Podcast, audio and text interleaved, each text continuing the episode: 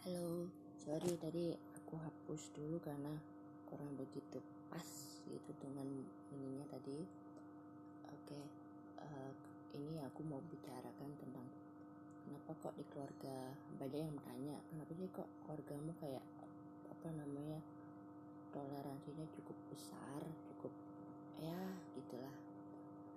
Ya karena pertama satu di keluarga itu keluarga Umar Said keluarganya pihak dari mama itu uh, memang asli keturunan apa namanya uh, ada turunan bangsawannya ingrat lah bukan bangsawan ingrat gitu loh eh apa bedanya ya oke okay.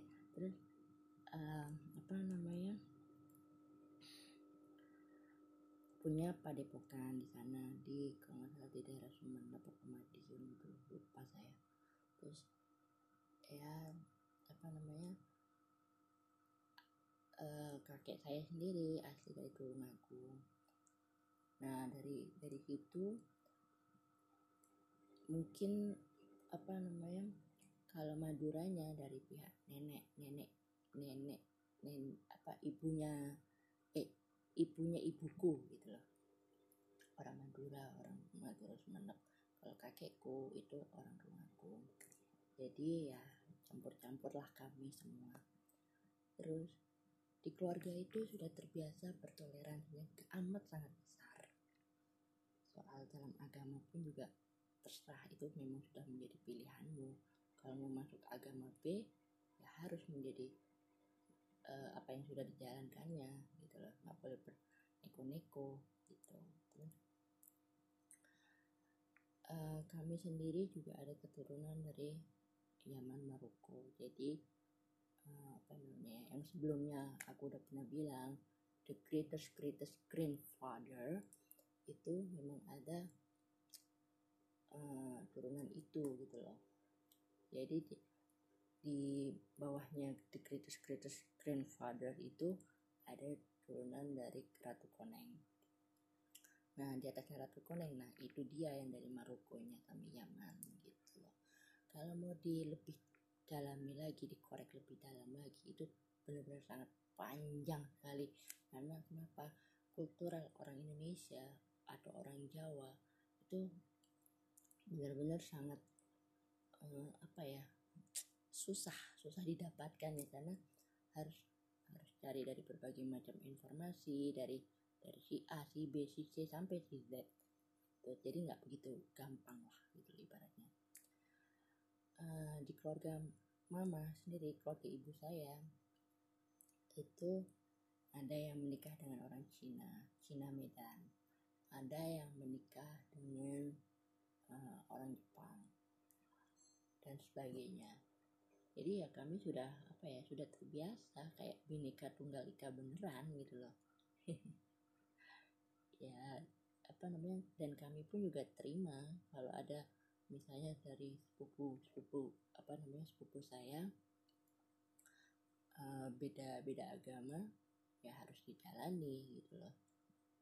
Dan harus dipahami gitu loh kenapa dia bisa begini kok bisa begini. Oh ternyata dahulunya sebelum kayak misalnya contohnya saya sebelum ada saya yang sekarang sebelum ada Farah Biba yang sekarang ada Farah Biba yang terdahulu sebelum saya lahir dulu dulunya saya tekankan ya saya tekankan dalam tanda petik saya tekankan lagi dulunya itu saya mungkin bisa jadi adalah beragama Kristen Kristiani.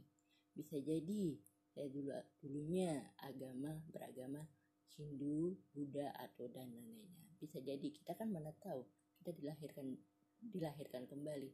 Dari yang mati ke hidup, dari yang hidup ke mati lagi sampai berikutnya. Bukankah itu yang diajarkan dalam semua agama? Maaf kalau saya misalnya harus uh, membicarakan tentang agama, tentang ini karena kenapa? Di Indonesia sangat begitu apa ya? uh, maaf sekali lagi saya sadar betul saya ngomong begini benar-benar sangat sensitif sekali soal beginian dan apa ya kehidupan orang pun juga what for gitu loh. Untuk apa di dikepoin untuk dipermasalahkannya gitu loh. Bukankah setiap apa rumah itu mempunyai dapur? Ibaratnya seperti itu. Saya mengambil tanda apa namanya uh, kutipan dari Cak Nun. Setiap rumah pasti mempunyai dapur. Nah dapur itu adalah rahasia dari segala masakan yang yang kita masak di situ gitu loh itu nggak boleh sampai orang tahu gitu loh. What for? Gitu itu aja deh yang mau aku sampaikan kenapa aku mungkin nggak nyambung ya awalnya tapi balik lagi oh ternyata Indonesia itu mirip ada mirip-miripnya dengan keluarga gua juga gitu loh.